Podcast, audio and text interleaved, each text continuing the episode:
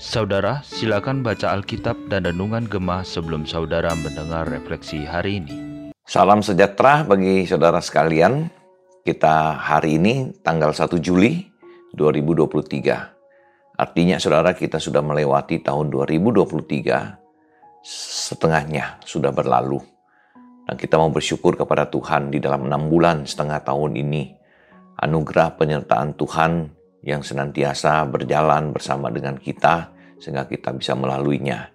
Dan juga mengingat akan renungan refleksi gema dan video audio ini juga sudah berjalan sekitar dua tahun saudara ya.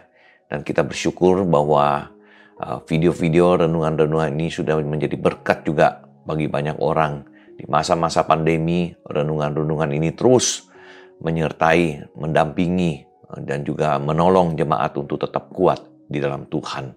Saudara, mari kita sama-sama berdoa minta pimpinan Tuhan untuk renungan yang akan kita sama-sama renungkan hari ini. Kita berdoa. Tuhan kami bersyukur anugerah penyertaan Tuhan bagi kami. Kami berdoa ya Tuhan untuk hari yang baru yang Tuhan anugerahkan. Tuhan berikan pada kami, Tuhan percayakan. Dan kami anak-anak Tuhan boleh hidup sesuai dengan kehendak daripada Tuhan dan bagaimana kami harus hidup dan menjalani kehidupan ini ya, untuk menyenangkan hati Tuhan. Berkati firman yang kami renungkan ini.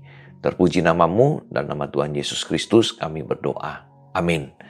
Saudara kita sama-sama akan membaca firman Tuhan dari kitab bilangan. Kitab bilangan pasal yang ke-8. Kita akan baca ayat 6 dan 7. Kemudian ayat 14 dan 15. Kita bilangan pasal ke-8 ayat 6 dan 7 demikian firman Tuhan. Ambillah orang Lewi dari tengah-tengah orang Israel dan tahirkanlah mereka. Beginilah harus kau lakukan kepada mereka untuk mentahirkan mereka. Percikanlah kepada mereka air penghapus dosa. Kemudian haruslah mereka mencukur seluruh tubuhnya dan mencuci pakaiannya dan dengan demikian mentahirkan dirinya ayat yang ke-14 dan 15. Demikianlah harus engkau mentahirkan mereka dari tengah-tengah orang Israel, supaya orang Lewi itu menjadi kepunyaanku. Barulah sesudah itu orang Lewi boleh masuk untuk melakukan pekerjaan jabatannya pada kemah pertemuan. Sesudah engkau mentahirkan mereka dan mengunjukkan mereka sebagai persembahan unjukan. Saudara sekalian, orang Lewi dikhususkan untuk melayani bait Allah. Dari begitu banyak suku, Tuhan memilih dan mengkhususkan orang-orang Lewi ini. Dan mereka mempunyai peran dan fungsi yang berbeda. Ada yang menjadi imam, ya menjadi imam besar, yang mempersembahkan korban dan lain-lainnya. Ada yang mengurus bait Allah, kesehari-hariannya, kebersihannya, dan lain-lainnya. Dipertahankan, eh, keindahannya, ada yang rusak, diperbaiki, dan lain-lain. Nah inilah peran daripada orang-orang Lewi, saudara. Dan mereka di dalam melayani Tuhan, di sini kalau kita lihat dari kitab bilangan ini, mereka tidak boleh sembarangan melayani.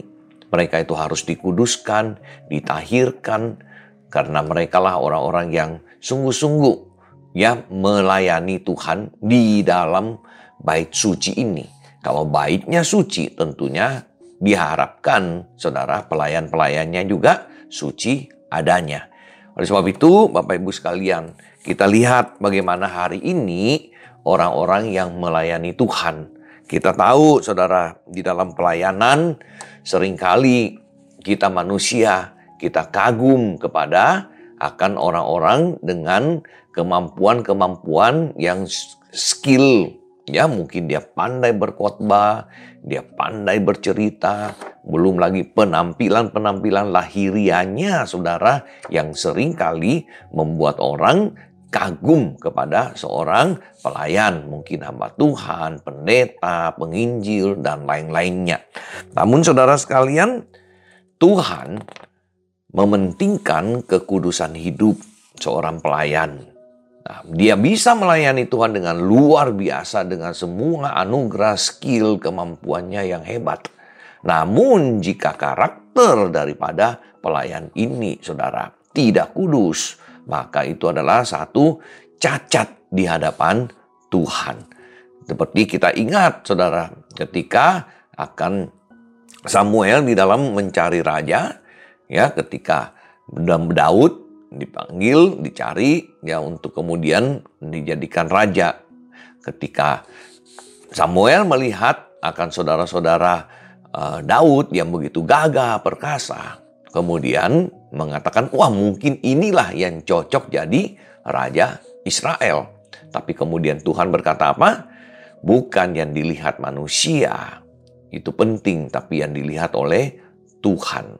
Apa yang dilihat oleh manusia itu lahiriah, kemampuan lahiriah mungkin, keelokan lahiriah, tapi yang dilihat oleh Tuhan adalah hati daripada manusia.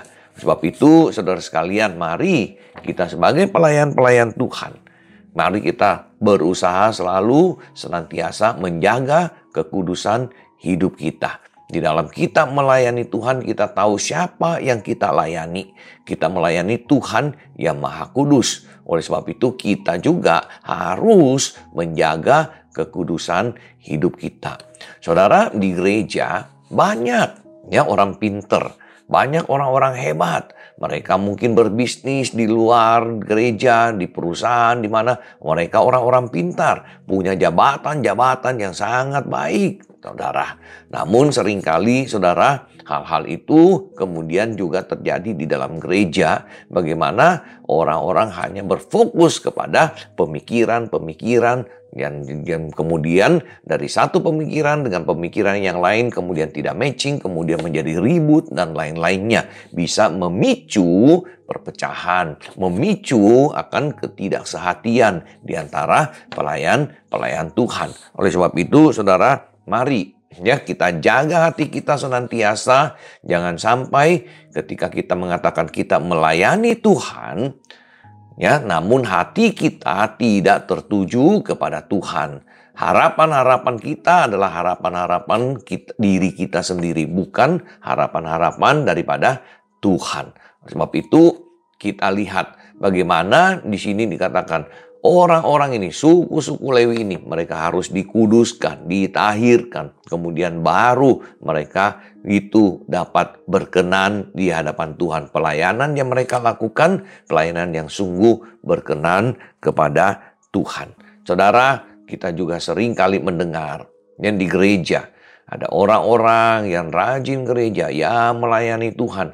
Namun sayang sekali saudara ya, di dalam akan pekerjaannya, di dalam usahanya, tidak sungguh-sungguh mencerminkan seorang anak Tuhan. Orang yang bekerja namun tidak rajin, tidak bertanggung jawab, kemudian mungkin dipecat, Kemudian yang berdagang mungkin berdagang tidak jujur, melakukan penipuan, pinjam uang sesama, bahkan sesama anak Tuhan, sesama orang gereja sendiri dan tidak membayar. Dan mungkin saudara di gereja-gereja juga terjadi sering kali kita mendengar ada hal-hal yang tidak baik yang seharusnya tidak dilakukan oleh para pelayan-pelayan, para pekerja-pekerja, para pengurus mungkin, majelis, bahkan hamba Tuhan. Oleh sebab itu saudara sekalian, mari kita jaga hati kita, jaga kekudusan hati kita. Dengar suara roh kudus. Kita harus peka kepada suara roh kudus. Jangan ambisi pikiran kita yang kita terus akan dengarkan. Dan itu sering kali menyesatkan akan kita sendiri. Tuhan memberkati kita sekalian, saudara. Semakin kita mengikut Tuhan, semakin kita melayani Tuhan, kita semakin menjadi anak-anak Tuhan yang berkenan di mata Tuhan. Kita sama-sama berdoa. Tuhan, kiranya pelayanan-pelayanan yang kami lakukan, hidup kami di dalam kami beribadah dan melayani Tuhan, sebagaimana orang Lewi, ya Tuhan mereka dikuduskan agar seluruh pelayanan mereka itu berkenan di hadapan Tuhan. Kami juga rindu ya Tuhan, setiap pelayan-pelayan Tuhan baik kami hamba Tuhan, para majelis, para pengurus, dan jemaat Tuhan, kami senantiasa peka kepada suara Roh Kudus ketika kami berusaha untuk hidup dengan penuh kekudusan di hadapan Tuhan. Terpujilah namamu ya Tuhan. Berkati kami setiap hari di dalam hidup ini. Terpuji namamu. Dalam nama Tuhan Yesus Kristus kami berdoa bersyukur kepada Tuhan. Tuhan memberkati saudara sekalian. Pertahankan kekudusan hidup kita setiap hari.